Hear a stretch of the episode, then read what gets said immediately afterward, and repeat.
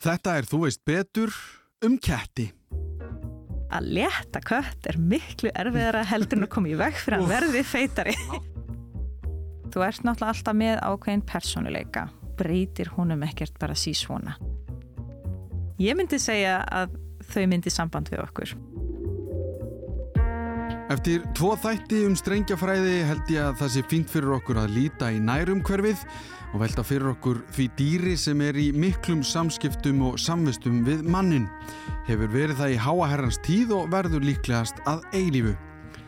Við höfum áður fjallað um allskins dýr, þar á meðal revin og hrafnin, en nú langaði mig til að líta okkur nær og pæla þess í kettinum. Því er þó öðruvísi farið hér en með hinn tvö dýrin Því að í þessu tilfelli er hér á ferðinni dýr sem við getum átt, séð um, búið með eða upplifað í nær um hverju okkar. Að þeim sögum er þátturinn í dag bæði um hvernig dýr kötturinn sé en líka hvernig maður sér um kött eða haga sér í kringum hann. Það er til fólk sem segist hata ketti sem mér finnst reyndar frekar förðuleg afstæði hjá fullornu fólki að hafa þér þarf ekki að líka við þá en að hata eitthvað dýr bara því að það er eins og það er hljómar aðeins og mikið í mín eiru eins og kjartan í strömpunum. En það er líka ekkert að vera forvitið um eitthvað sem þú fílar ekki. Svo leggjum á stað, hér blandast fortíð, nútíð og framtíð í einn gröð, en það er hún Solrún Barbara Fridriksdóttir sem ætlar að vera farastjóri í þetta skiptið. Áður en við byrjum á sögunni, heyrum við kynningu frá viðmalandanum sjálfum.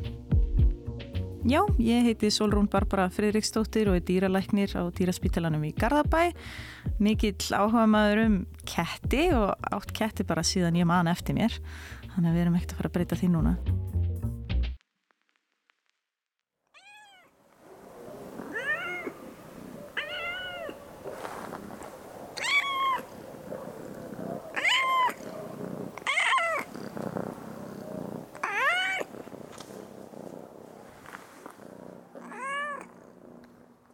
Það er talið að þessi heimilisköttur sem við þekkjum öll í dag sé komin í rauninni frá hinnum afrikanska villiketti, African Wildcat um, og þegar ég segi villiköttur þá er ég ekki að tala um villikettin sem eru villikettir á Íslandi, heldur sérstök tegund. Og það eru til tvær tilgáttur um hvernig það kemur fram í rauninni. Um, það talið að hafi byrjað fyrir cirka 10.000 árum síðan, uh, þá voru við byrjað að rækta korn og um það leiti fara þá mísnar líka að verða skæðar hjá okkur út af því að þau fara í kornið og eðilegja uppskjöruna og þá fara kettirnir að nálgast okkur og spurningin er, voru þetta við sem ákvaðum að taka á okkur kettina sem voru hvað mest hændir að hala þá saman og, og fáum þá fram þennan heimiliskött eða voru þetta bara kettinni sjálfur sem ákvaðu það að við værum ekki þar hæðileg, ákvaðu sjálfur að koma nálagt okkur og svo hafa þeir bara ákveðir unni að búa nærri okkur. Mm -hmm. Þannig að og, og flestir hallast að þessu, þessu setna. að þeir hafa ákveðið sjálfur. Já, nákvæmlega eins og þeir eru. þeir eru að veiða mísnar fyrir okkur. Þeir eru að sjá um pláuna sem er þá orðið vandamál fyrir okkur í rauninni. Mm. Og svo hefur þetta líklegast hafist þarna í kringum Ísrael og það svæði, það sem er mjög frjósandsvæði og, og svo hafa þau í rauninni borist þaðan út um alla Evrópu og Asju og eiginlega allstar nema Suður Pólinn og Norður Pólinn og, og kannski Eigaálfu. Mm. En hérna, en svo er náttúrulega líka það að það eru fleiri smá kattardýr til, það eru, þú veist, Evrópski villikötturinn, European Wildcat og, og líka Asíski villikötturinn og það sem er svolítið merkilegt er að hérna heimilisköttur, hann getur alveg parast við þessi dýr í dag og alið afkvæmi sem eru síðan frjó og þeir eru heldur ekki það ólíkir raunin í hegðun, það er mjög stutt á milli rauninni hegðunarinnar frá heimiliskettinum og þessum villiketti sem er samt ennþá talið sem mismunandi tegun þó að þið séu margt svipaðir mm. og þetta er eiginlega orðið vandamál sumstaðar eh, til dæmis í Skotlandi það sem er ennþá evrópskur villiköttur í náttúrunni mm. að heimiliskötturinn er ekki að ala við þaðan ketti og, og í rauninni að valda útrymmingu þess kettar Það langar mér smá bara til þess að að því, sko, tíkristýr er uppáhaldstýri mitt okay. og ég ætla bara að taka það fram í þessu viðtali að ég er gríðalega mikil gattamanneskja og það bara mun skýning gegn þannig að bara, hérna, bara take it or leave it eins og eitthvað segi en ofta er ég að horfa á mínaketti sérstaklega högnan mm -hmm. í sinni hegðun mm -hmm. um hverfið og hvernig hann lappar og hann er með smá bumbu hérna niðri og hann er einhvern veginn svona, svona lullar um og það er hans svæði og allt þetta og ég er einhvern veginn þú veist, stundum er ég bara að fylgjast með Mhm.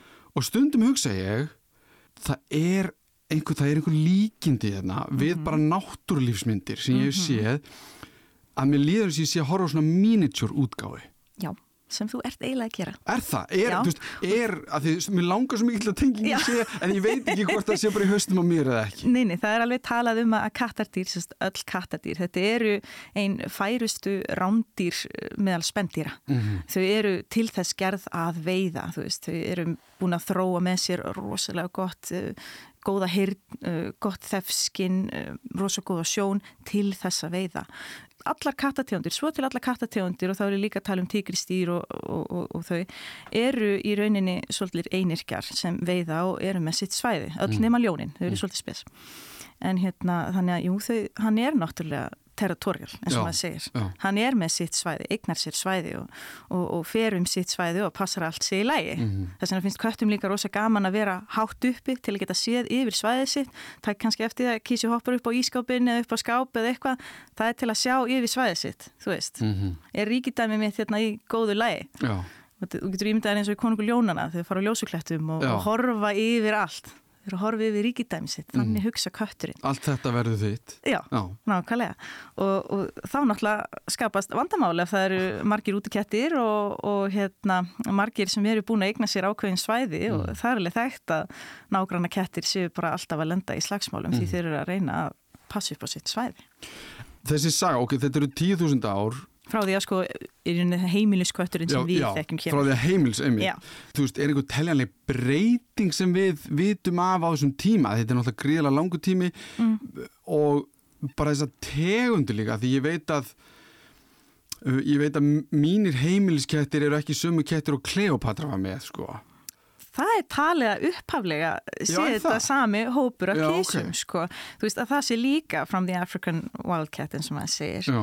Þannig að það, það er talið að þetta sé allt sami upprunni heimiliskvöttarins. Þannig að líka, sko, að því að ég hugsa bara út í, þú veist, með, og nú veit ég ekki alla tegundinnar, en Nei, nei. norskan skóakött, Það, Abyssian, það er hérna, Russendol, þú veist, komið svona, svakalu, svona mismunandi tegundir.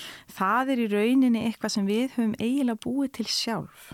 Já. Þannig að flest af þessa tegundir, allan eins og best sem ég veit til, er þá hefur á einhvern tímapunkti komið einhver kettlingur í goti sem var kannski krullhærður eða með skrítin eiru eða stuttafætur eða eitthvað þannig. Og þá hefur sá aðlið sem mátti þann, þann kött ákveða að ala hann áfram við náskilda ættingja til þess að reyna að halda þessu séringinni áfram. Og eftir að þú gerir það x oft, þú veist, þú ert með mjög margar kynnslóðir að þá geturu sótt um að, að fá það skráð sem sér tegund meðal kattaræktar félaga. Já, Þannig þannig að- að þetta er kannski bara, uh, og nú veit ég ekki hvort að hundarnir séu svipar, þannig að þetta er bara ræktun okkar. Þetta er ekki að Abyssian eða Norski hafa allt í nú bara byrst einhvern veginn, þetta er kannski við Nei. aðeins að, Þetta er svolítið við að, að, að rauninni taka ákveðin einkenni og, og halda þeim uppi. Mhm. Þa, þá ertu komin með þessa ræktun mm um, eins og við sjáum líka hundaræktun. Þú veist, þá er þetta líka ákveðinir hundar hafa verið teknir til hliðar sem voru kannski með ákveðina eiginleika sem við vill halda áfram hvort sem það eru fjárhundar eða veiðihundar eða hvað. Bara þá samanægs lengi og þá getur við talið það sem tegund og við erum náttúrulega að tala um ótrúlega marga einstaklinga yfir mjög langt tímabil. já, Þannig að Þetta er- þetta er, ekki bara á nokkrum árum. Þannig að, en þannig að er heimiliskötturinn þá, þessi, þessi almenni, ef Mhm. við orðum það bara þannig, er hann þá, þú veist, er hann, hvernig maður segja, baselineið eða skiluru? Sko, þa þannig séður þetta náttúrulega allt frá þessum afrikanska villiketti, vil ég að meina. Þannig að hver kemur fyrst þar, Vist, hvaðan þetta fer í sundur er kannski skilur Og það er alveg til dæmi um mjög gamlar tegundir, eða mjög langt síðan að þau fóru að rækta fram þessi einkenni og svoleiðis, Mhm. en, en svo er aðrar sem eru nýleri. Mm. Þannig að en sami uppruni, já, og þau geta öll parast saman átt afkvæmi sem eru frjó og svoleiðis. alla Þannig þess að að, alla þessa tegundir, þannig að þess vegna er maður að tala um að þetta séu kannski frekar undir tegundir heldur en tegund eins og við hugsaum sko fisk og mús. Já, já, já, Þannig að, já, einmitt. eða þórskólags. Já. Já. Hvað er það sem einkennir ketti? Hvernig er, þú veist, eðlið þeirra? Kettir eru upp til hópa einirkjar. Mm -hmm. Það þýðir ekki að þeir geti ekki átt vini og það eru oft frekar að kettlingar séu meiri sósjál almennt með öðrum köttum heldur en fullorni kettir. Þeir vilja hafa allt eftir sínu höfði, þeir vilja hafa valkosti, þeir vilja ekki láta neyða sig út í hodn uh, ástæði fyrir því að margi kettir vilja ekki láta taka sig upp og þeir, þeir vilja geta gert það sem þeir vilja. Mm -hmm. Þeir eru territorial, þar að segja þeir, þeir enga sér, tilenga sér svæði í rauninni og svo er bara spurning hvort þið leifa öðrum að vera inn á því svæði þannig að veist, þess vegna getur alveg átt kött sem leifir öðrum kett að vera inn á heimluna án þess að það sé vesen, þeir eru kannski ekki bestu vinir en þeir, þeir eru aðna báðir. Mm. í sömum tilfellum eru þeir mjög góði vinir. Sleikja kvotnannan og eru rosalega já, hændir hvorm öðrum jáfnvel tala um gummi og með sískinni sem hafa verið saman alla sína, alla sína tíð. Og þeir fá líka alveg eitthvað út úr því að sleika kvotn annan, sleika eigenda sinn, það eigur endorfinnin hjá báðum aðilum, þannig að veist, þetta er svona, þeir, þeir fá alveg eitthvað út úr það að sósialísera en þetta er samt alltaf á þeirra fórsendu mm. þess að líka atrið, þú veist, það vart að fara að fá þér annan kött og átt kött fyrir, verðu undirbúin að það verði ekkert endilega auðvelt þú veist, reynda að finna kött sem er kannski með eh, sama personuleika og þinn köttur. Það er ekkit allir kettir sem vilja alltaf leika og það er ekkit allir kettir sem vilja alltaf fá að vera í friði. Veldi eitthvað sem, er, sem heldur, þú heldur að passi þínum ketti. Og hvernig, bara, að ég ætla að teika þetta, Já. að því að ég man þegar ég var yngri, mm -hmm. að þá fengum við hundin í fjölsýtuna. Já. Og mér fannst einhvern veginn meira ráðandi þar, mm -hmm. uh, við ætlum að hitta kvolpin, mhm. Mm finna einmitt út þessa tengingu, ef við getum -hmm. bróðað þannig bara ok, eru við einhvern veginn -hmm. viljum við rólegan kvolp, allt þetta -hmm.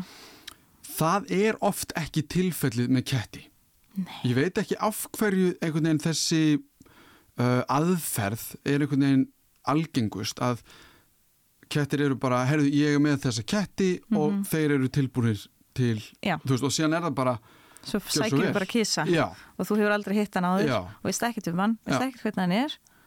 Svo bara kemur hann heim og þá að hann bara vera ekki að glæða með það. Já, og sem er náttúrulega stórfurlegt í raunin en kannski fyrir að fyrsta er sérmaður jafn mikil karakterenginni í kettlingum eins og kannski kvolpum þú veist, sérmaður, að því stundum árum á kettlinga mm -hmm. og bara, þeir eru allir bara frekar sætir og vittlusir og, og bara svona eitthvað að hérna dúla sér. Og þú veist, já, já, maður getur alveg klálega að séð einhver enginni ákveðnum köttum þú þarfst náttúrulega bara líka að eða tíma með þeim. Mm -hmm og sjá hvernig þeir eru mm -hmm. því þeir ekkert að horfa á það í fimm minútur þegar þeir leika sér með hinnum sískinu sínum og halda að þú viti hvernig kötturinn er mm -hmm. það er allt annað að búa með honum og, og svo er líka allt öðruvísi þegar þú tekur köttin úr hópnum hvernig verður hann þá það er ekkert vist að maður getur séð það fyrir Nei.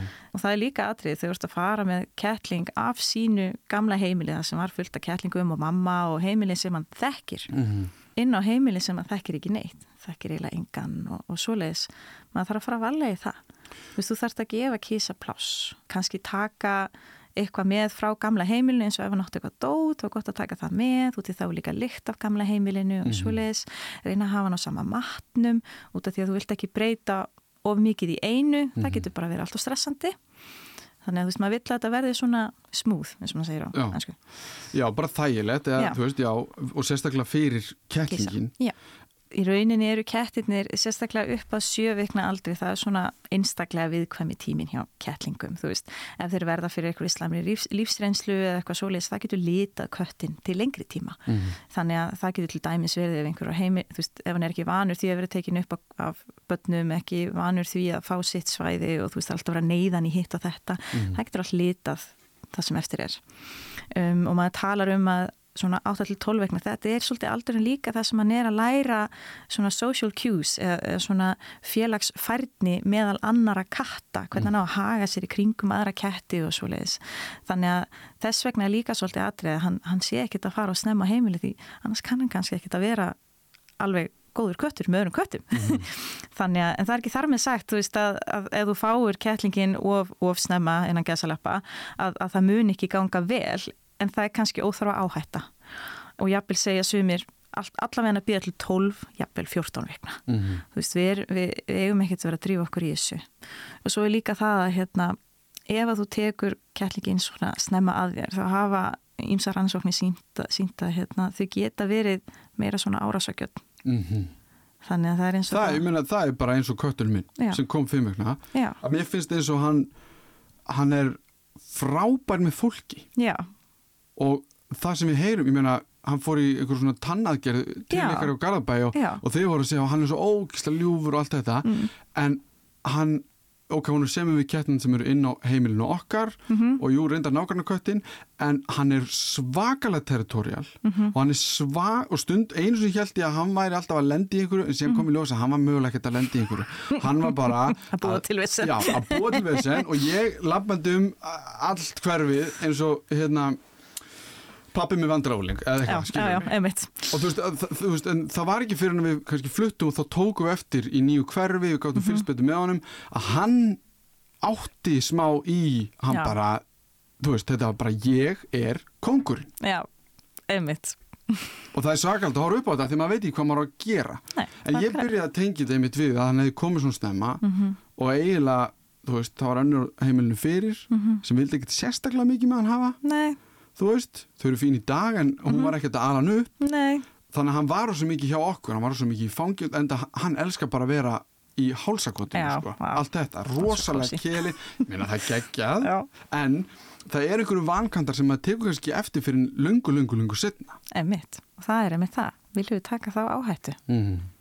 en hvað með þegar þú kettlingurinn kemur Mhm. og hann er lítill og þú vilt að hann sé örugur Mhm. hvernig er best að hvað er best að hafa hann? Viltu, viltu hafa hann inn í lokuðu litlu rými með eitthvað, þú veist að því að þú veit kannski, ég vil ekki hafa hann hérna á heimilinu og að, að hvað, ég veit ekki, þú Mm. Ert að fara að sofa ég man að, þú veist, ég á mig hjarta í buksunum síðan þegar þriði kötturinn koma því að einmitt, maður var bara, heyrðu, ég er að fara að sofa þá komið vefmyndavel þar sem hún var Einmitt. og já, með hjarta í buksunum sko, einmitt. Af því að maður treyst ekki vitlisingum Nei. sko, en hvernig er best að gera það til dæmis? Já, það getur verið svolítið flókið, Mm. sérstaklega vorstu að koma með sko ný, nýjan kött inn á heimili sem aðri kettir eru fyrir.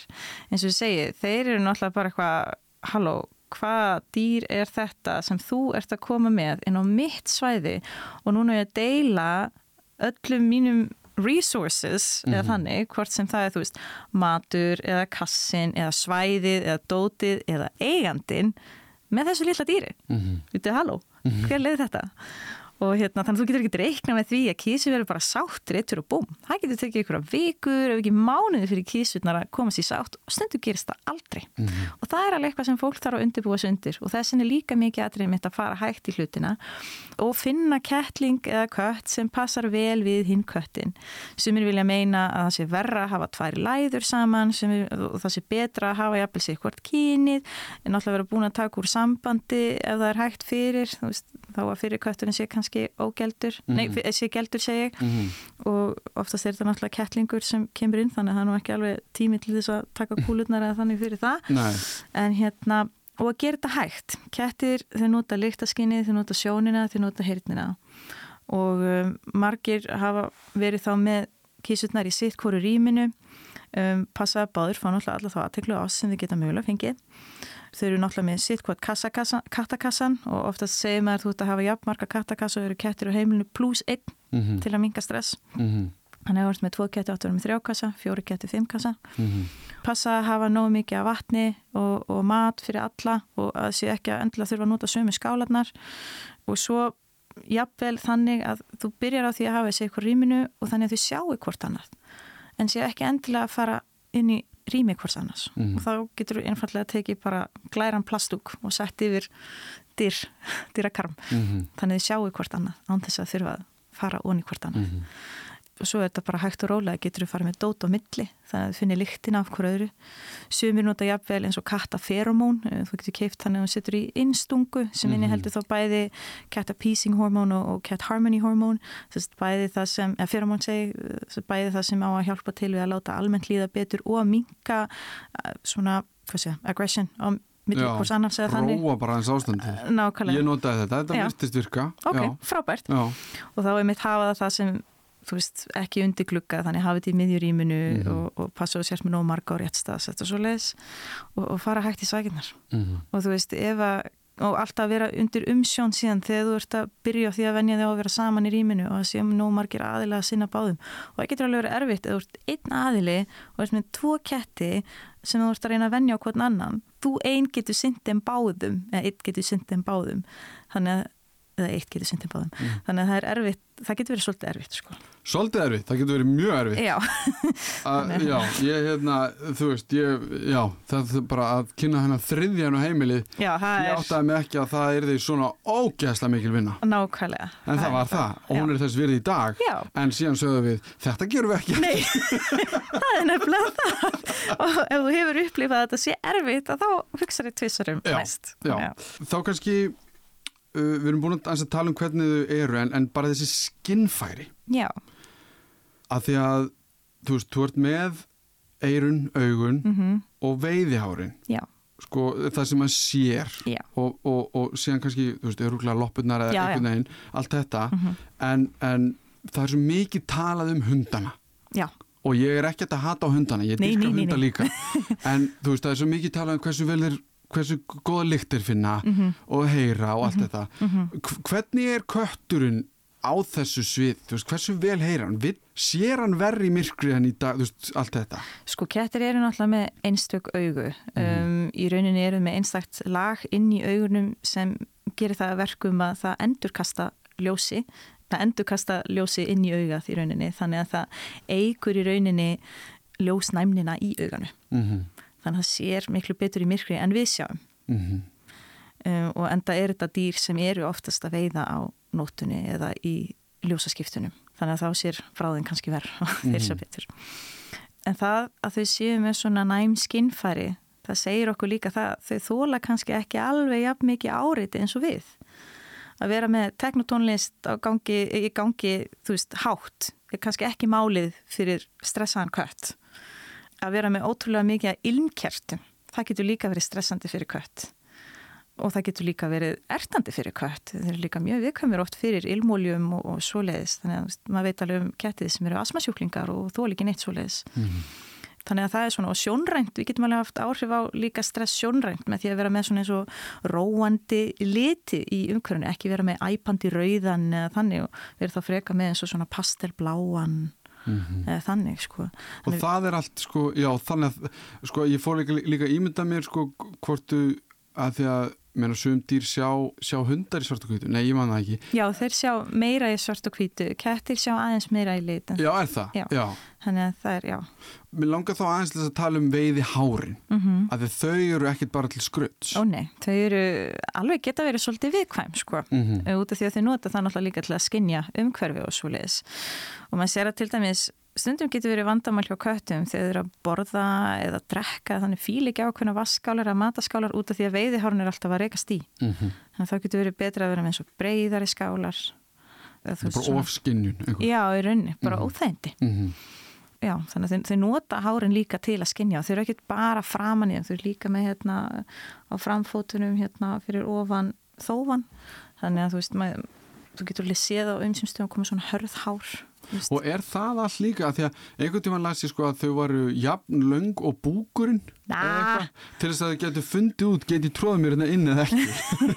Kansk, Já, þú meinar það. Já, já. ég, ég hugsaði jafn löng og búkin hinvið Já, nei, nei, nei, á breytt þá eða, Þið notar þetta náttúrulega sem skinnfari þannig að það hjálpaði náttúrulega að skinja og mm. mann getur síðan og kætti fara inn og ótrúleusu staði. Nefnilega, já þau hjálpaði vantarlega að reikna út umhverfið og einhvern hátt þannig að það nýtist þeim þannig að mm. það getur bara vel passa Já, en ég er bara veltað fyrir mig sko, veist, eins og á úlinum en hérna á framloppunum og það, eins og varst að nefna þessi, mm -hmm. að maður sé svona hár á stangli stundum Já.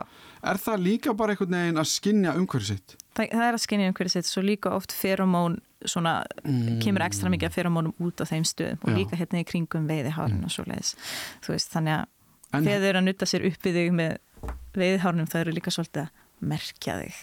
En heyrnin, að því að stundum þá horfum maður á ketti Mhm. og þeir sitja bara -hmm. og þeir horfa kannski eina átt en síðan er dút, dút, dút, Já, það er svona eyrun að radar, fara bara á fullt, já, bara hvað er í gangi hér? áttina og allt heyrist eitthvað þá er bara bytun og við hvað heyra þarna? Já.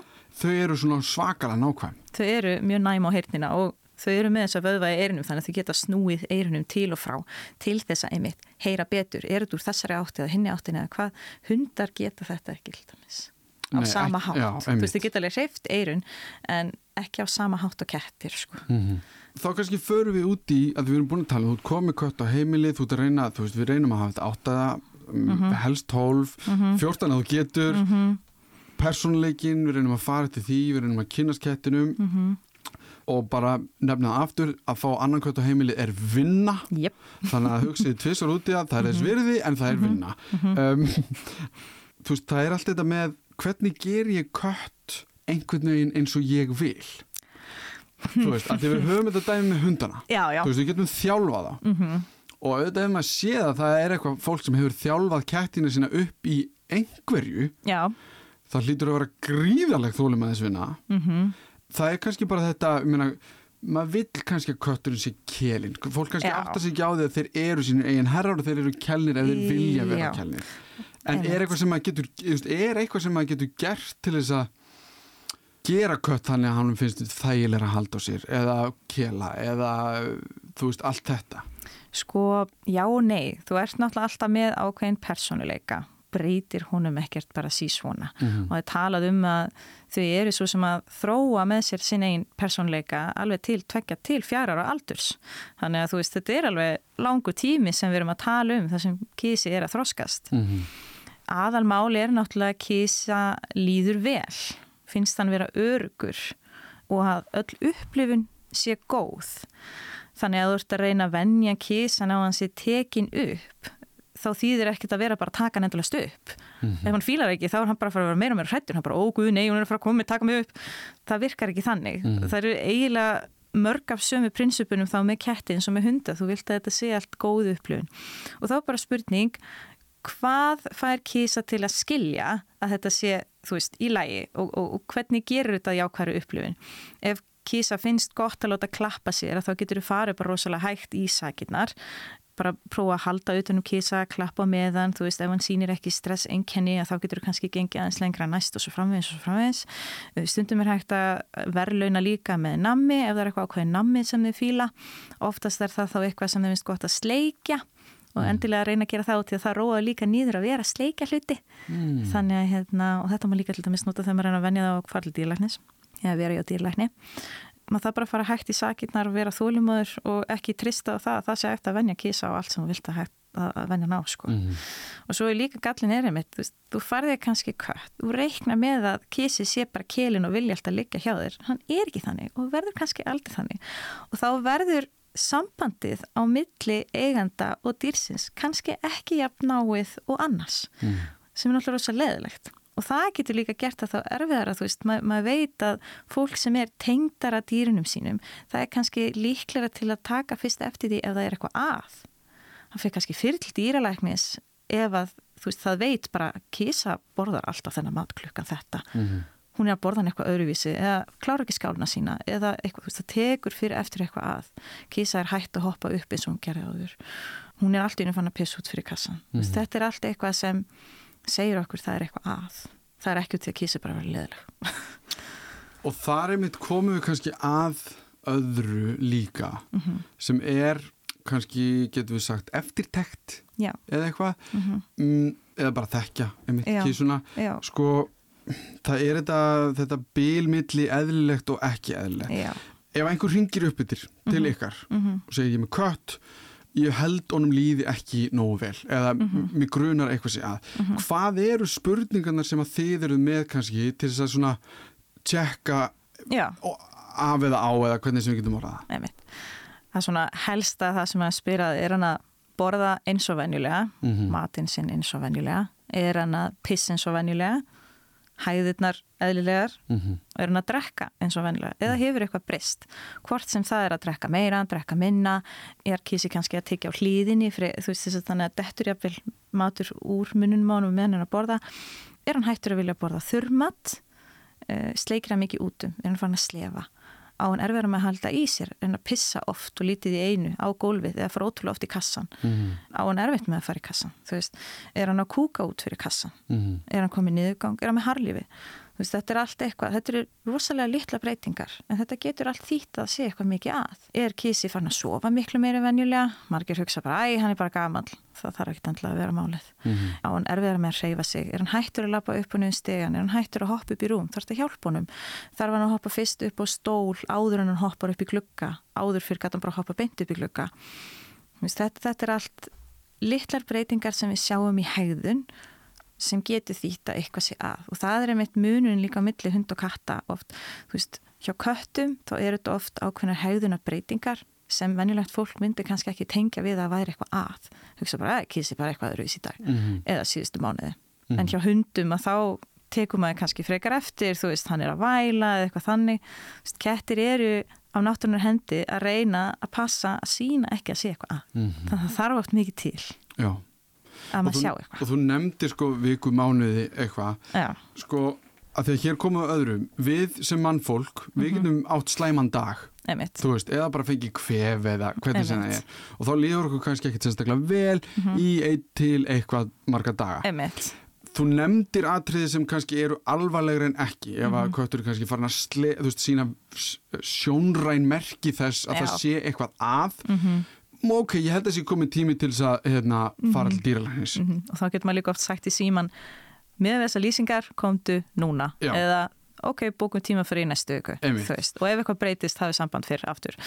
En það er að, ég, sko, að ég hjó sér eftir hinn og hlutunum eins og kannski sofa meira mm -hmm. eitthvað svo leiðis stundum hefur Dreki sem er höfnin mm -hmm. verið greinilega í einhverju brasi mm -hmm. eða úti allan daginn og er svona ekki kannski lemstraður en hann Nei, er svona smá tjásulegur einhvern veginn og hann kemur heim og hann bara sefur Já. og séðan kannski með næsta dag þá bara vill hann eiginlega ekkert fara út hann vil bara sofa mm -hmm. ég eftir sjö árið byrjar að þekkja hann það vel að ég fer ekkert í stress nei, nei. ég hugsa bara ok, þetta hefur mhm. gerst áður allt í góðu mhm. hver er tímaraminn á ég hugsa að maður ætti börn og þá var mm -hmm. bara veik en síðan eftir einhvern ákveðin langan tíma hugsa maður, hey, nú er þetta búið að vera í gangi of langan tíma, nú held ég að við þurfum að aðeins að skoða hvort þetta sé eitthvað annað en bara eitthvað tilfallandi sko.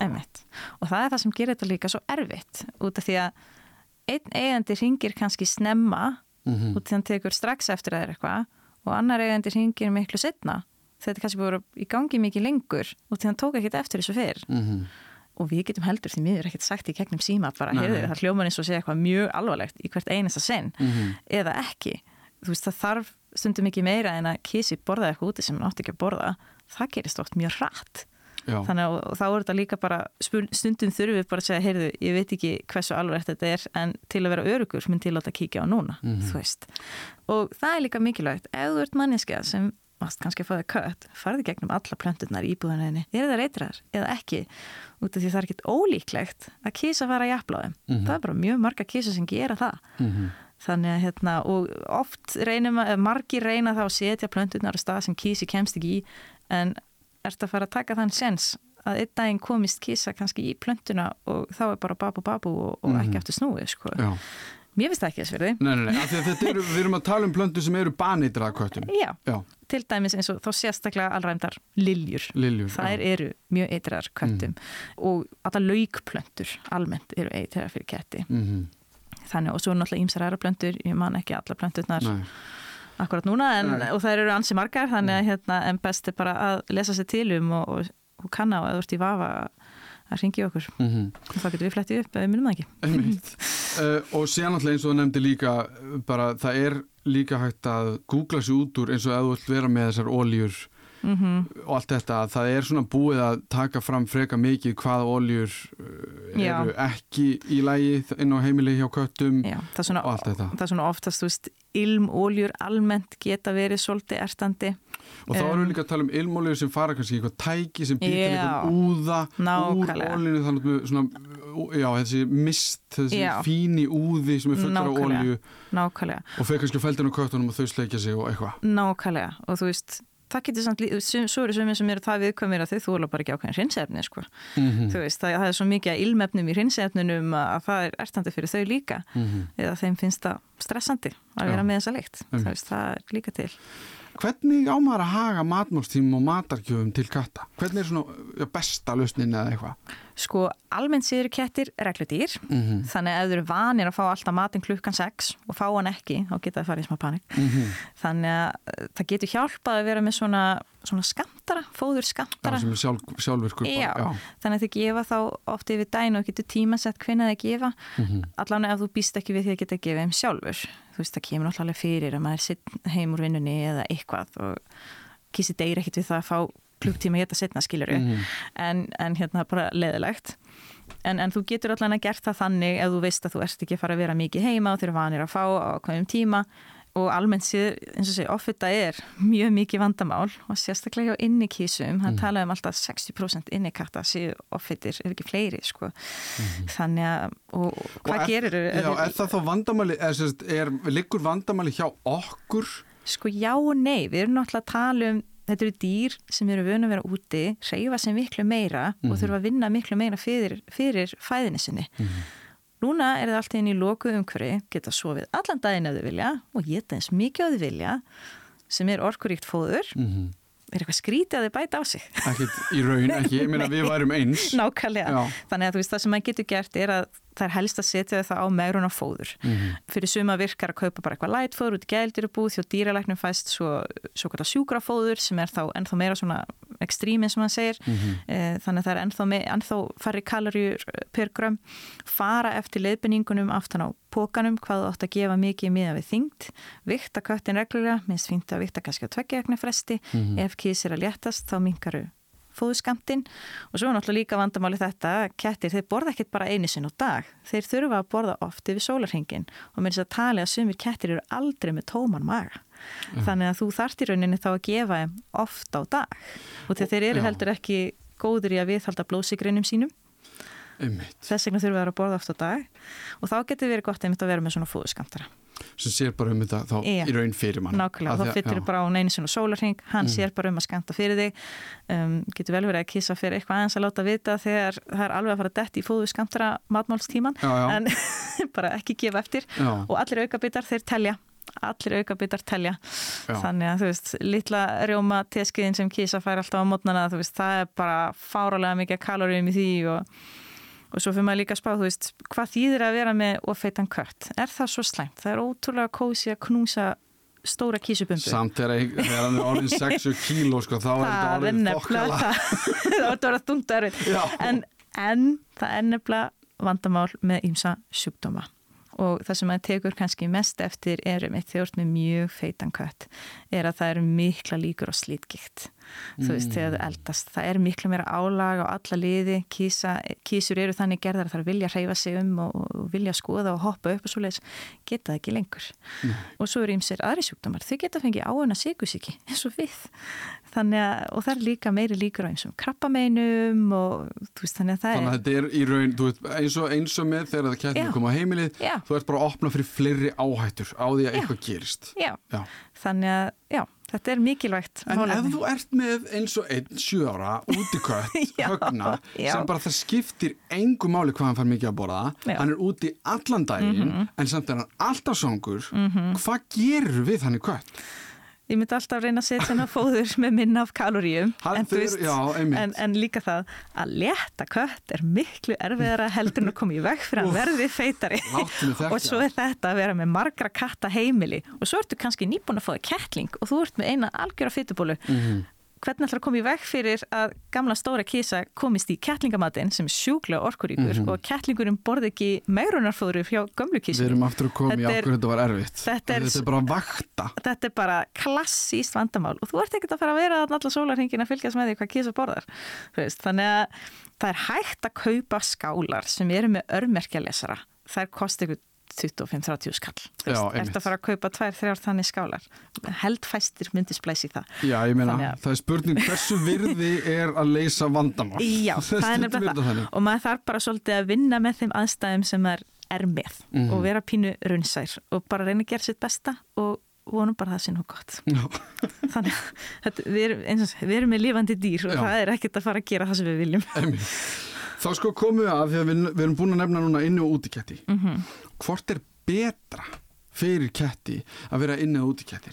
Að því að ég veit að eins og í bandaríkjunum Mhm. og það er reyndar að er eitthvað sem heitir feline AIDS eða þú veist, það Já. er eitthvað sjúkdómi þar Já. sem er ekki hér. Nei, betur fyrr. Þannig að, já, sem betur fer þannig að þar er miklu algengar að ketti séu bara inni og kannski líka, ég menn þú ert líka kannski með sléttu úlfa eða hvað sem er. Já, og þú býrð frekar í blokk og, og svo framins Já, og þannig að það er kannski almennar að það séu inni kettir. Mhm. en hér er daldið kannski er, ég meina, er ekki algengar að kettir séu úti kettir? Eða hvað á Íslandi? Ég veit það svo sem ekki. Mér finnst það alveg vera begja bland sko. Já, ok. Þannig að, og, og það eru bara kostir og gallar við allt, þú veist, ef þú ert með útikött kosturinn er, hann reyfi sig meira. Það er kannski meiri örfun fyrir hann. Mm -hmm. um, þannig séð minni vinna fyrir þig að örfa hann heima við, þú veist, þegar þú ert með innukött þá er hann alltaf með fullt af orku sem hann þarf einhvern veginn að losa og þú ert að bara duglur að leika við hann og svona. Og sinnunum ekki það útikettir þurfa líka sinn allningu og svona en, en það er öðru vísi kannski. En, en það er náttúrulega ókostirnir eru það að, að þeir geta orðið fyrir bíl þeir geta getið eitthvað, þeir geta lendið áflóðum við aðra ketti. Þannig að það er kannski helst það sko. Mhm. og þeir geta náttúrulega getið fugla ekki allt og margir sáttu við það heldur. Nei, nei, en þá hérna- kannski, ég meina ein lausn á því er til dæmis að þeir séu ekki úti í dag, Nákvæmlega. eh, hvað kallar þetta, hérna daybreak, hérna uh, ljósaskiptunum, ljósaskiptunum eða Einmitt. og allt þetta þegar þau vilja vega nákvæmlega. En ef að þú vilt að að kötturinn sé úti köttur ekki, Mhm. þú veist, eða vilt allavega opna fyrir möguleikana ef hann vill það mm sko, hvernig er best að fara að því? Af því að þetta er ótrúlega hættulegt umhverfi Já. sem hann er að fara út í Já, fullt af bílum mm og bara eins og þú varst að telja upp. -hmm. ég hef reynt þessa tilraun með ólina eða beislið. Já, það var ekki nei. Og þú veist við náðum held ég best með þessa yngstu að svona kinnana vera úti með henni og þú var í bandi fílað ekki en ok, þetta er bara það sem þarf. Hvernig er best að fara að því? Er bara, heyrðu, gjör svo vel, áttað á þessu sjálf. Ég myndi nú ekki gera kannski bara það.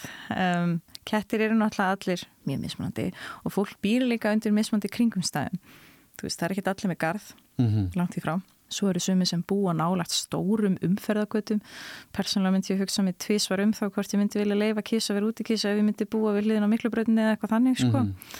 Ekki það, svo eru sumi kettir sem búa langt í burtu frá stórum umferðagötum og fara bara í löng ferðalög. Þú stjórna því ekkert heldur. Nei, og það er bara ekki takt Nei, Nei. þannig að hérna, en, en ég gerði allan að með minn kött þá bjóði við í Danmörku á svæði sem voru ekki stórar um fyrir göttur og ég fór með hann fyrst út í bandi og það gekk bara útrúlega vel. Ok, en, en hann er með svona ragdólköttur og fekk hann eitthvað um nýju mánuða aldur og, og fór þá með hann fyrst í taum með flex í taum og við löpum bara um hverfið. En svo þegar við komum til Íslands þá hann er svo hrættuð bíla þannig að það var ekki alveg að ganga. En eftir að við fluttum í hverfið sem var með garð og svona þá byrjaði bara því að leipa honum aðeins út í garð og, og vera aðeins með honum út í garði og svona og lappa aðeins með honum um hverfið og, og þá svona, já, eftir það þá fór hann að vera úti og ég náttúrulega kipti líka GPS ól á köttin. Mm hann gæti fylst með því hvert hann fór. Eins og eitt, eitt kvöldi þá ætlaði hann ekkert að fara að koma heim þótt að vera komið myrkur þannig að þá fór ég og hundurinn og sóttum hann. Já, ég þekki það vel. Já. Já, þannig að GPS-ólar eru mjög þægilegt tól, sérstaklega þegar þú ert að, þú veist, að byrja með kísan að vera úti. Sjá hvert hann fer, hversu stórt svæði hversu stóri svæði er hann að fara út í. Já, ég myndi alltaf að mæla með því. En hvernig gerir maður kött hrættu bíla?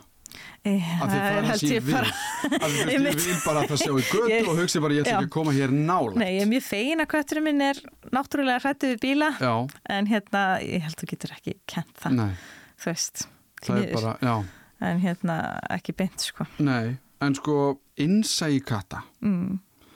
Höfum við eitthvað va- fyrir okkur varðandi sko sk- skín katta á okkar líðan ef okkur líður illa eða eitthvað Mm. þetta sko það er náttúrulega þau skinja hlutina kannski ekki alveg eins og við mm. og maður getur alveg ímynda sér að þau sjáu frekar kannski fyrir að það er eitthvað að því að við breytum okkar eigin hegðun líka. Þau Mhm. lesa kannski bara í það hjá okkur.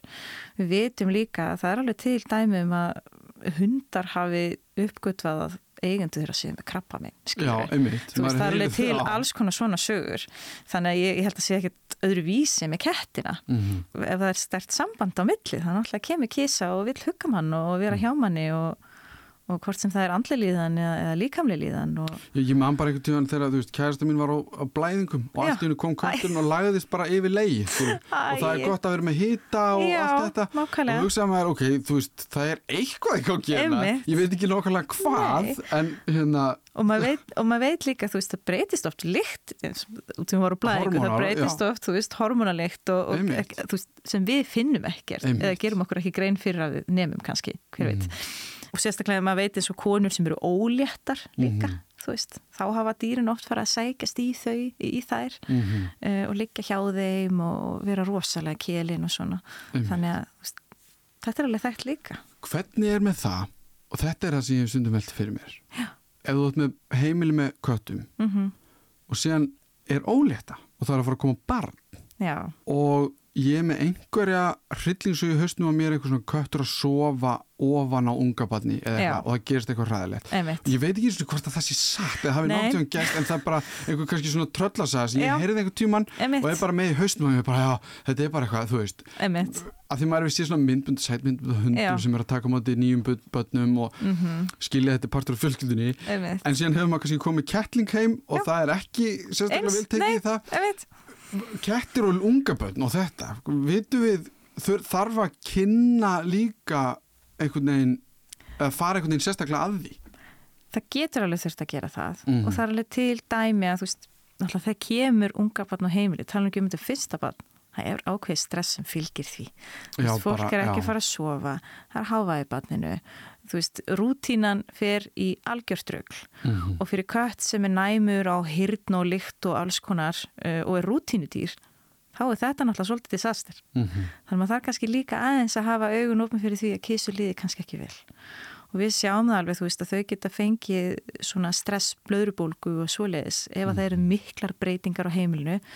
Jafnvel það að fólk eignist kærasta eða kæristu eða hvað mm -hmm. þú veist það, eða það eru fluttningar frá gangi eða eitthvað það, það getur valdið því að kísa verður bara rosalega stressuð og farið sína þess líkamlega enginni og þá getur maður gert ímislegt eins og til dæmis að prófa kattaferomón eða mm -hmm. fóður eða bæti etnin sem inni heldur tryptofan sem er forverið serotonins til að reyna að plata heilandla -hmm. fá meira svo leis þannig að veist, það er svona ímislegt sem maður getur gert og það getur enginn lofa því hvernig það fer Nei, en sko hvað þá með andlega líðan katta? Já. Af því ég farið með eina sem kom fjóra og virtist bara vera kvíðasjóklingur Já eh, Þú veist, er, eru kettir kvíðasjóklingar? Geta þeir verið með svona andlega, já Já, kettir eru upp til hópa stressuð dýr, skulum við segja mm.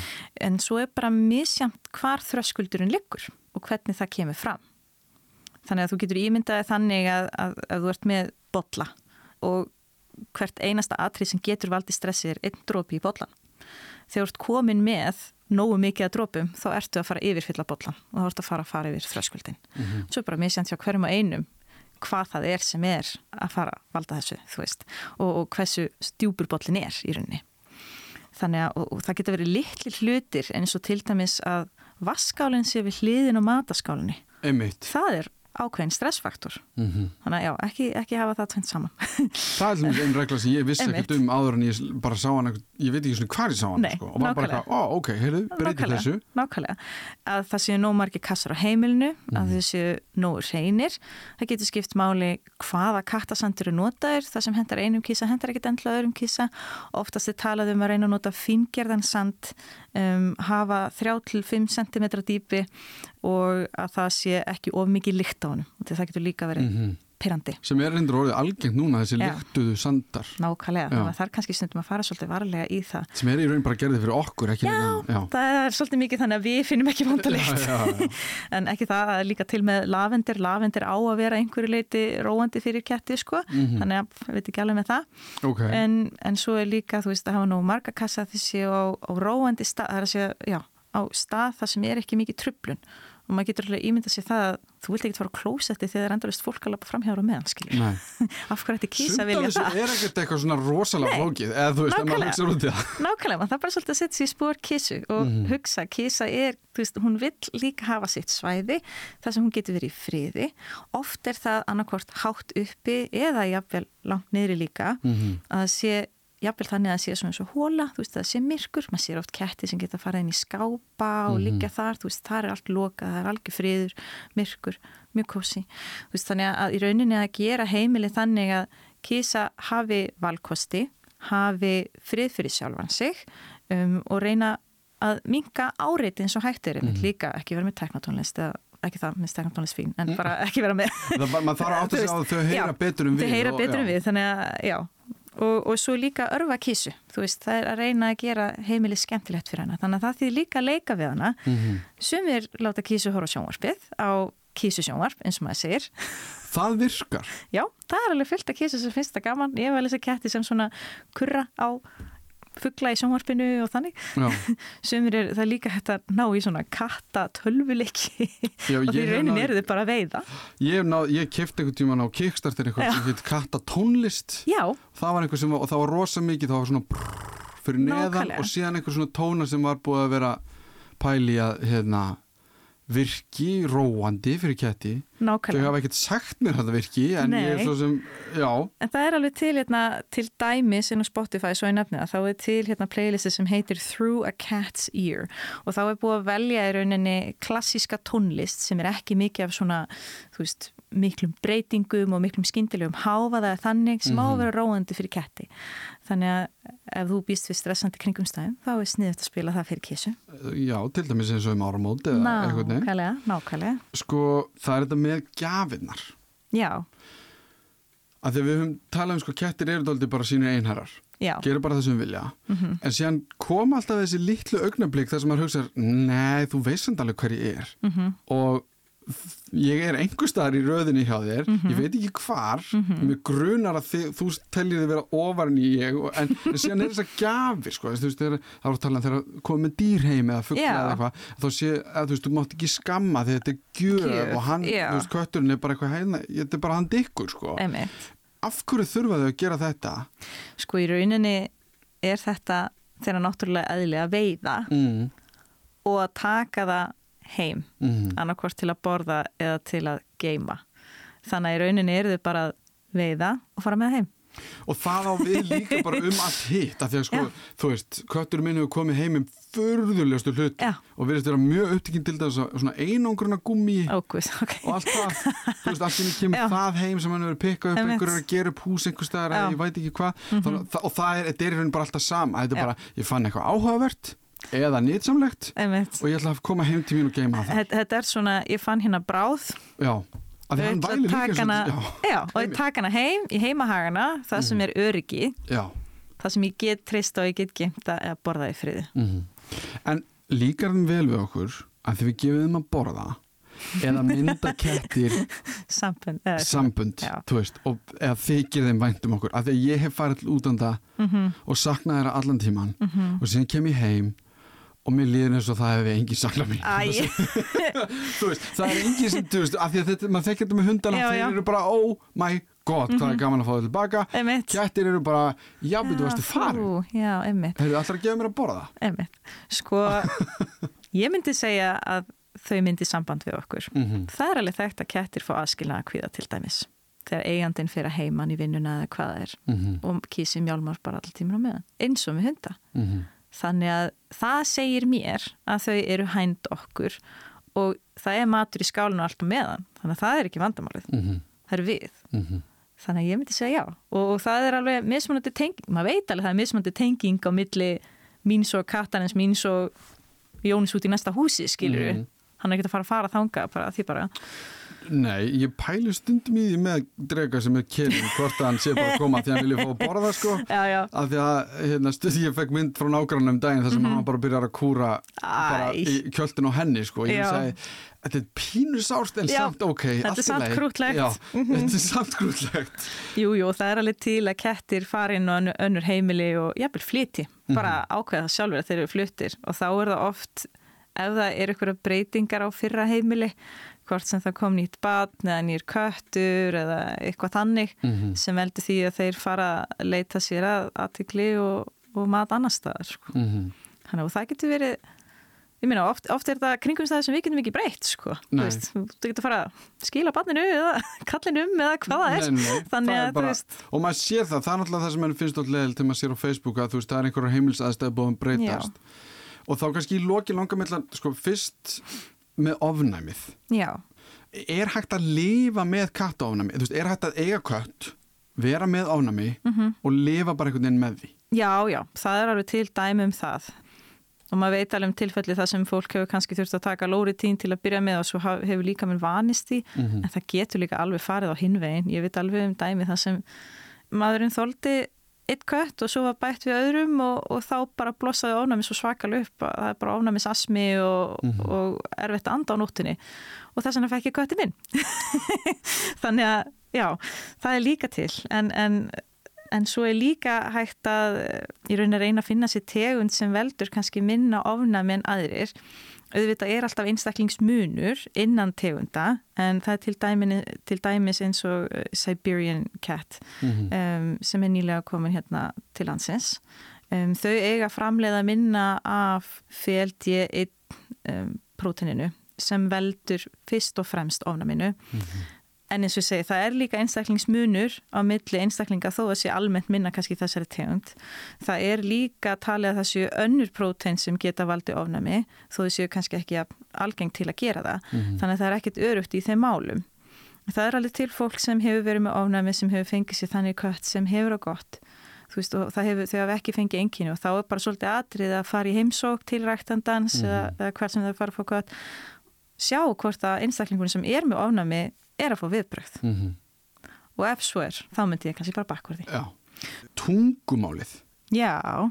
Þú veist, hvernig þau tjá sig. Mm -hmm. að því að ég ætlum að selta þessi fimm vikna sem kom fimm vikna mm -hmm. hann tali næstu í mannam eða þú veist, hann, bara, hann er stundum bara og það er bara, hvað er þetta að segja? Þú veist, hann bara er að tala. Einhvern veginn. Þessi minnsta er svona, hún er aðeins minna en samt er hún að segja eitthvað við mann já, já. Veist, það er þessi, þú veist, það eru mismöndir hljóðu köttum þú, mm -hmm. hann að, þú veist, þannig að hvað er það bara malið, já, já náttúrulega, Emi. þú veist, það er eitt mm -hmm. en mhm. síðan er allir þessi, þú veist, þegar þú sé bráða þá kemur þetta mm -hmm. kvappadna eitthvað þetta kurr eitthvað, já og síðan er allir þessi blítbrið að bara eitthvað eitthvað svona dæmi Nákvæmlega. Eh, það allt, hvaðan kemur það og gera þau þetta líka í nátt, eða kannski vilt Sko, einhver tíman las ég að þau eru fyrst og fremst að kommunikera við okkur mm -hmm. og þau verist ekki verið að gera þetta í náttúrunni. Það er ekki eins og sé að tala við hvort annað mikið á mm -hmm. þennan hátt.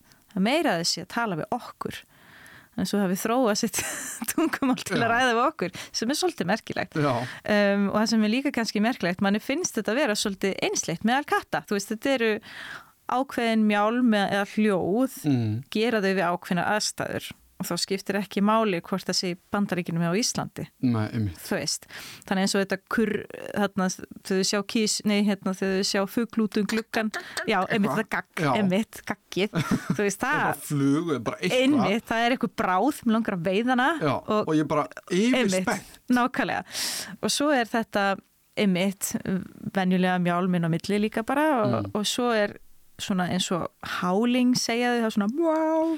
það líka það, veist, það getur verið til dæmis ef, ef þau eru hrætt eða, mm. eða þú veist ég týndur eða þú veist komdu til mín, hjálpaði mér eitthvað þannig mm. sko þannig að það er, það er til ímislegt og svo er mísand eftir köttum hversu mikið þau tjá sig það er alveg einstaklingsmunu það er eins og tala um sérstaklega eins og þessar hreinræktuðu tegundir mm. að þá er eins og sumar tegundirnar séu meiri spjallarar en aðrir eins og ragdólinn minn er alveg rosalega spjallari og, og svo er eins og villi kötturinn, heimiliskötturinn hinn sé búin að læra hans af honum, hann var ekkert svona mikil spjallari en allt í hennu núna er hann farin að ég held hann er sem sama hjá okkur sko. að það er eitthvað að vera að kenna eitthvað þessu sko. bara já, ef við mjálma svona þá kemur hún já, ah. líka þessi minnsta hún er komið, hún er, ég held hún að við komist upp á lægi með eitthvað svona alveg fáránlega sætt mjálm já. og þá eitthvað gerist bara allt sem hún vil sko. já, og svo, svo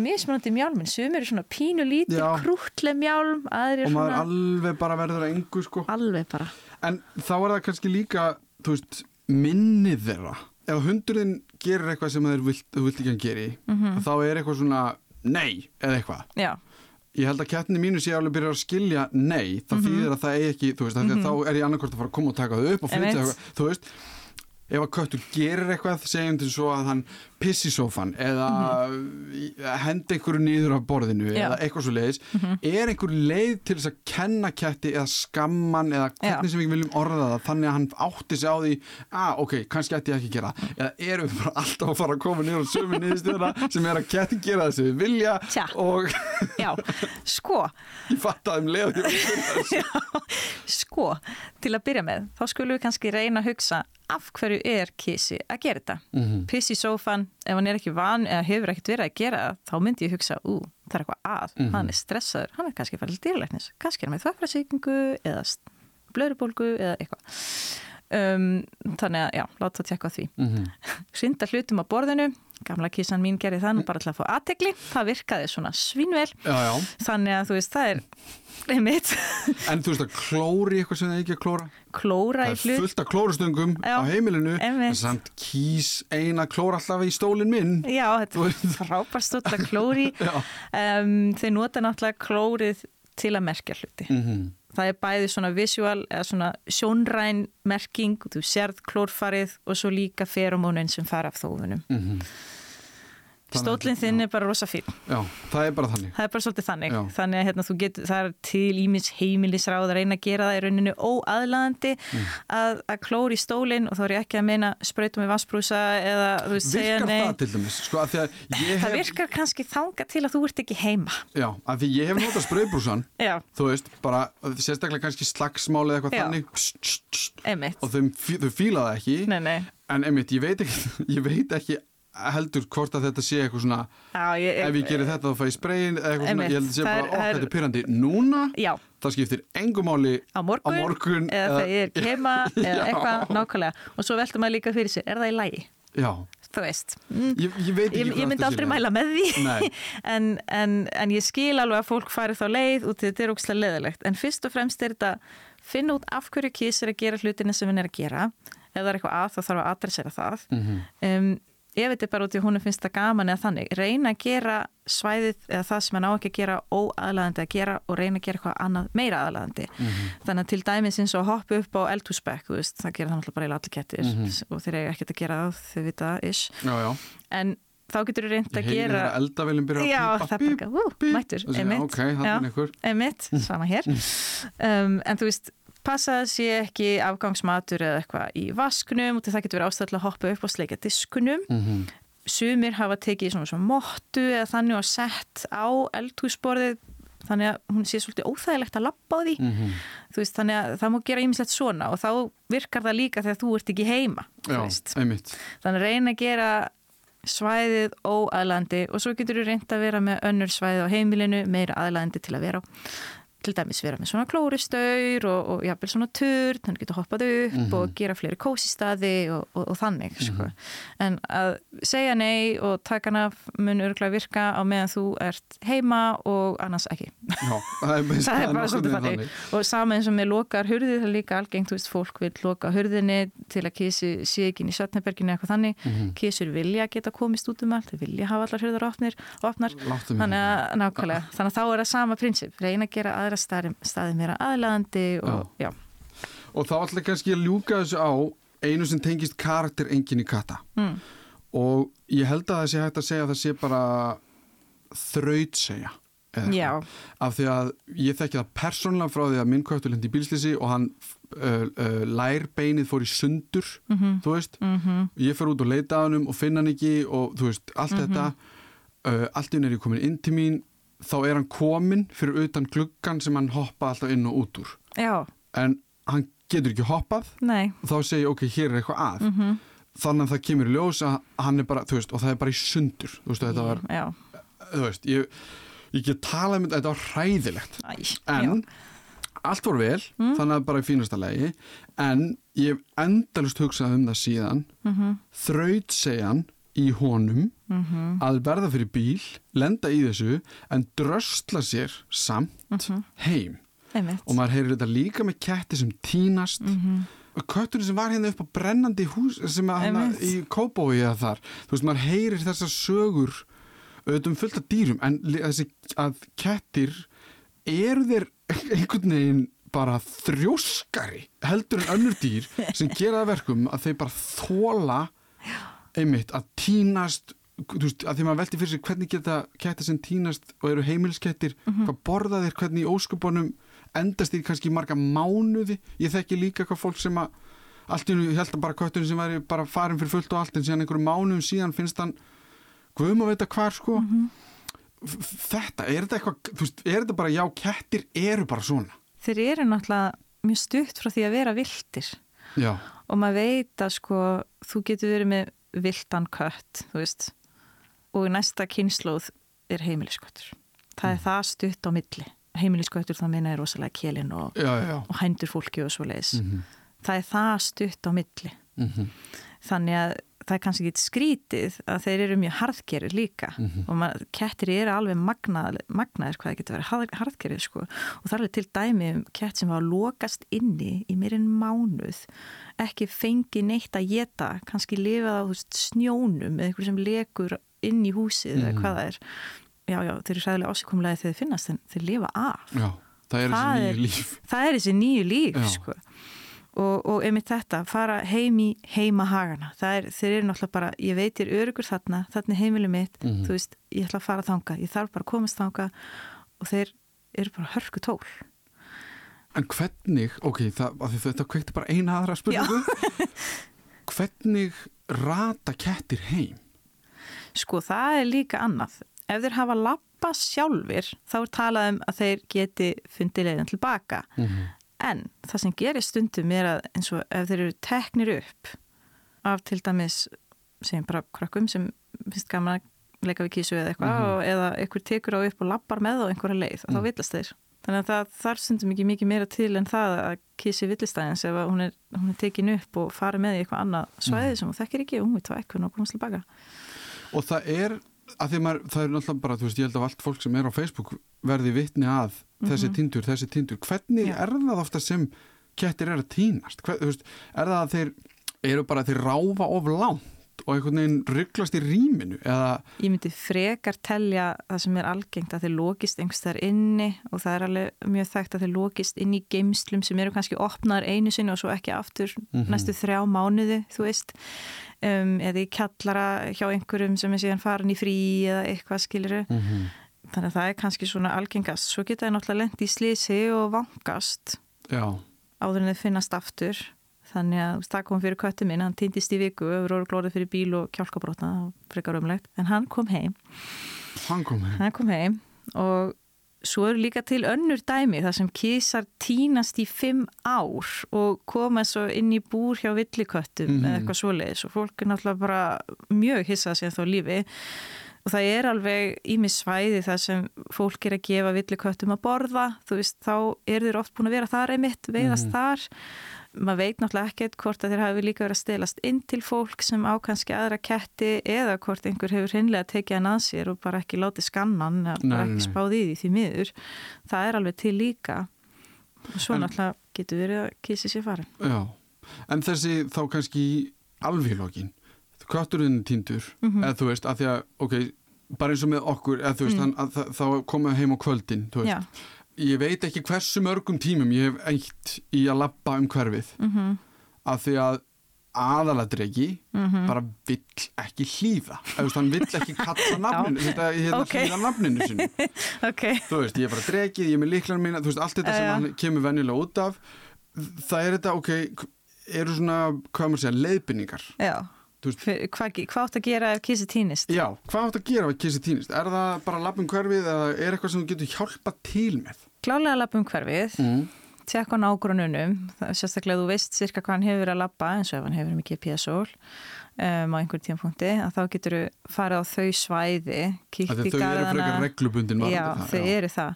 Eins og segi, sumir eru bara að fara rétt í kringum húsablokkinu búið á Mhm. meðan aðrir fara því líkt langa leðir þannig að já, lappum hverfið heyri í nágrununum, fá alla í hverjunu til að tjekka í geimslunum sínum kjöllurunum og tala nú ekki um með það nýbúið að opna og loka einhverju. Mm -hmm. auglýsa á Facebook, það er fullt að kattahópum á Facebook þannig að endilega auglýsa þar allstaðar, það er líka til eitthvað sem heitir kattaskráin Mhm. um, það sem kettir eru líka auglistir áður en kísi týnist þá á hann náttúrulega að vera örmertur og þú ætlar að passa að hann sé pottet skráður á þig á dýraaukenni það gerist nefnilega líka því miður oft er að fólk fæ sér kött. Hann er kannski örmertur en hann er kannski skráður á gamlan eiganda. Mhm. Þá vitum við ekkert við hvern maður á að hafa samband ef hann Mm. finnst. Og það er náttúrulega ömulegt ef kísi finnst kannski slasaður. Við flettum honum upp á dýraaukenni það var kannski ekki rétt skráð eða bara ekki skráð. Hvað það gera, með slasaðan kött finnur ekki eigandan, klukkan tvö um nóttina þú veist, þannig að þanga til er bara verkastilling og, og vona það besta sko. það getur verið mjög flókið Mm. um, já, En klósettið fyrir utan heimilið, er það eitthvað sem virkar? það er náttúrulega lyktin Já, um, en er það ekki kannski frekar ef að, þú veist, að því ég, þú veist, ég veit í hvernig kettir sem eru búin að búa þarna með okkur í einhver ár, allt í hennu fatt ekki, mm, þú veist, að þau þurfi það á því að halda. Ég, hugsa, ég hugsaði kannski, ok, ef þetta er nýrköttur já, sem er að læra hvað hann á heima, emitt ok, þá skil ég það. og svo getur líka verið ef kísi býr í blokk á einhverju hæð og fer aldrei út. Mm kannski datta hann úr glugganum eða datta á svölunum eða eitthvað Já, já, þannig. einmitt. og þá verður náttúrulega dettur niður, verður ynglar, lappar eitthvað í burtu og veit ekki meir. Mm þannig að það getur náttúrulega líka verið þá sniðt fyrir þá. En það er mikilvægt að þegar við höfum eftir til framtíðar, kannski við þurfum ekkert að tala um ketti til framtíðar, ég veit ekki hvernig við tölum um það, en þetta með að ormarhensa, Mhm. bólusetja og gelda, já, það er bara eitthvað sem ætti að vera ófrávíkjanleg regla fyrir Já. alla sem fá sér ketti. já, og það er samkvæmt lögum, ef þú ætlar að vera með útikött þá, já, samkvæmt lögum í sveitafélögum, þá máttu ekki vera með ógeldan fress Mm úti nema þetta sé ræktunarköttur sem eru nú lang fæstir og þú mátt heldur ekki para læðu sem er yngre en einsárs en það væri það bara unglinga ólétta Já, já. og miklu meiri áhætta fólkin í því og svona. Mhm. persónlega myndi ég ekki nenna að eiga breymandi læðu, það er ekki gaman Nei, að vera ég- með kísu sem gólar út í eitt og svo kom allir nágranna kettirnir og góla fyrir utan klukkan hjá þér. Þú veist, það bara, er ekki málið. Henni líður líka nákvæmlega þeim líður ekkit vel. Þú veist, ef maður getur sett sig í þeirra spór, þetta er auðvitað hræðileg tilfinning að geta ekkert gert í sínu máli Mhm. þannig að hérna og það er bara, ef þú, ef þú ert samt ennþá að því að þið langi endilega í kettlinga fyrir utan öll heilsufarsvandamálinn sem geta tengst því að vera ólétt og gjóta og mjólka Þú getur alltaf verið með kött sem lendir í keisaraskurði, maður veit það ekki Mhm. sérstaklega ef þetta er kannski lítið læða eða um eitt unglinga ólétta það getur verið að hún ná ekki að mjólka nógu vel og þá ertu að fara sko 24 hour sinna Einmitt. gefa þeim mjölk og pela og svo getur þau fengið stíplur og ég veit ekki hvað og hvað þetta er miklu meiri vinna og peningar heldur sem þú getur ímyndaðir og vera með læðu sem þarf að fara keisaraskurð á lögadegi þetta er ykkur hundru áskallar Já, og það er kannski, kannski fínt að enda á því tryggið, kettin ykkar. tryggið kettin ykkar. Ég er dýralæknir og ég er með triðan kött, gæti ekki tryggt eldri köttin því hann var á gamall þegar hann kom til Íslands. Já. en, og það hefur borgað sig. Og hann er sem bara þryggjara Mm þú veist, hann var bara skyndilega veikur í fyrra veit ekkert af hverju. Þá er ykkur hundru áskallar og tryggan tók það. -hmm. það munar sjúklega miklu. Og ég veit að fólk er stundum hugsa bara, æ, tek bara penn til hlýðar en þú veist, þetta kemur skyndilega og rætt og ég veit ekki hver margir hafa þurft að auðlýsa á Facebook eftir aðstóð út því að það kemur eitthvað alvarlegt mikið fyrir. Það er ömulegt að þurfa að gera það. Og því að því fólki líður náttúrulega heldur ekki vel að þurfa að byggja um þessa peninga. Nei, og þetta er ekki bara sérstaklega dýrt að tryggja þau en það marg borgar sig Það þegar margborgar af því að, einmitt, eins og ég segi, þegar þú þarf að láta köttin til mér fara í fá stálplötu í lærleikin og Nákvæmlega. aðgerð og allt þetta já, Já, það er mjög góð leksja í því að tryggja Já. köttin sinn algjörlega. Og svo tölum líka um það að vera með kettlinga og svoleiðis, þú veist, offjölgun katta er náttúrulega alvarlegt vandamál og þá þarf ekki annað en að kíkja á síðurnar hjá dýrahjálp og hjá villuköttum og hjá kattholti, það er ótrúlega mikið að köttum í heimilislít allan ársins ring og það er rosalega algengt að kettir fara í heimilisleit einslið þryggjára, það er eins og þá eru þeir ekki kettlinga lengur, þá er fólk að fara í sumarfrí, þetta er aðeins dýrara meira vesen, kísa fann að breyma og er ekki búið að taka nú sambandi eða hvað það er. Kannski fann að stresspissa út af því að heimilisastar er ekki nú góðar. Þetta er lífstíðareign það er að segja kattalífstíðareign. Og kettir, þeir að talað um að meðalaldur sé 13 ára en við erum farin að sjá fleiri og fleiri kettar sem vera miklu eldri og alveg fleiri og fleiri sem vera bara alveg tvítur mm -hmm. Þú veist, tala um heilan ungling eða þú veist, þetta er bara eins og bann Nákvæmlega. Þannig að, og við þurfum að hætta að horfa á Já. þetta eins og einmitt þú veist að það er alltaf verið að tala um hunda versus ketti eða eitthvað. Kettir eru ekki eitthvað stundagaman nei, það bara er ekki þannig. Nei þeir þurfa mikla aðlenningu og aðtigli þetta getur verið besti vinuðin og ég hef bara heitt rosalega mikið af fólki þar sem kettinir hafa bjarga geðhilsunni hjá þeim og ég veit ekki hvað mm -hmm. og bara hjálpaði mér gegnum erfið tímabil og, og bara sama hjá mér mm -hmm. þannig að þetta eru ótrúlega dýr sem við hefum ekki að vannmeta og, og þau eiga alltaf besta skilu Þetta með að þæfa þegar kettir eru hérna bara í nuttamann eða eitthvað annað, hvað er það? Í rauninni er þetta þá að segja þú veist I am content. Ég veit ekki alveg hvernig maður segir þetta á íslensku. Um, sáttur, eða sátt, eða glöð. Ég er sáttur, já. nákvæmlega. Ég er bara mjög sáttur og, hérna, og líður bara ákveðlega. Mm -hmm. Þannig að, og þá típistið mitt er það að þæfa, getur verið að þæfa í teppi eða í mannesku eða þá jafnvel að sjúa teppi, sem er mm -hmm. slefa, það kemur hór hjá sömum, sko, þú veist, en sem er náttúrulega ekki eðlilegt nema að sé bara akkurat í þessum kringumstæðum ef það var að slefa öðrum ástæðum þá myndi ég hugsa um tvisarum en já, og oftast malaði á meðan og... mm, Þannig þetta er bara ég sátt Ég er bara mjög sáttum með lífið, nákvæmlega Og þá kannski ein, þetta með að því að svo yngsta, já. hún sleikir okay. kannski puttaði hendina já. og nutta sér sér uppi Hvað er það? Náttúrulega, þú veist já að sleika þá getur hún líka verið að segja bara ég er mjög sátt við þig og, já, já. og þú ert, þú ert náttúrulega bara frábær. Og, og að nutta upp við þig líka. Og þá er hún líka merkjaði í leiðinni. Mm -hmm. hann er minn. Mm -hmm. Þetta er svona, já. Mm -hmm. ég, mér gruna það, ég veit bara á stafist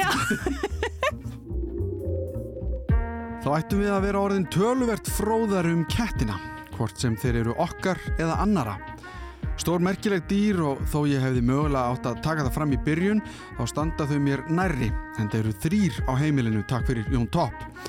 Ég vil þakka kattasamfélagin á Facebook fyrir sitt innlegg í umræðuna. Ég spurði þar hvort það væri eitthvað sem þau væru til í að vita og það lág svo sannarlega ekki á sörum. Ég vona að ég hafi náða að koma þeim flestum að en auðvitað gafst ekki tími í allt. Ég þakka Solrunu Barböru Freiriksdóttur fyrir að koma til okkar og lega mér að spyrja hana endalust út í kettina. Það var í sannleika sagt erfitt að segja stopp en einhver tíman var það að segja þetta gott. Ég heiti Allimár Steinarsson og þakka fyrir mig. Minni á postin minn allimarat.ruf.is ef það eru einhverjar spurningar eða ábendingar. Þetta var Þú veist betur um ketti. Heyrumst í næsta þætti.